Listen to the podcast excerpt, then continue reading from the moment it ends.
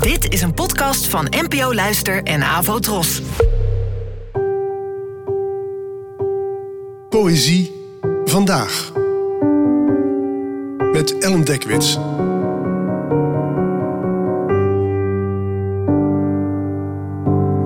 Hallo, fijn dat je luistert. Het gedicht van vandaag heet Betoverd en werd geschreven door de Zweedse dichter Eva Streum, geboren in 1947. Het werd vertaald door Lisette Keustermans en dit keer wou ik graag vooraf iets vertellen.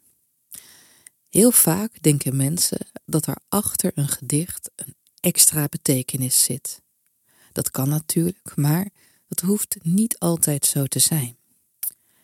Vaker zie ik gedichten gewoon als teksten die beelden, gevoelens of sferen kunnen oproepen, waardoor je een beetje kan gaan mijmeren. En soms is die mijmering zelf al genoeg. Hoef je niet per se nog helemaal aan het interpreteren te slaan. In het gedicht dat je zo zal horen, kan er van alles aan de hand zijn. Er is sprake van iemand die verdwijnt in een rots, en je weet op een zeker moment niet meer of hij of zij hier nou sterft of in een sprookje belandt, met alle fantasievolle gevolgen van dien. Hier komt het. Betoverd. Daar moest ik heen, en ik begaf me erheen. Dit werd me beloofd, kristal en duisternis. Dit hoorde ik, het geluid van een stromende beek. Dit wist ik, geen terugkeer mogelijk.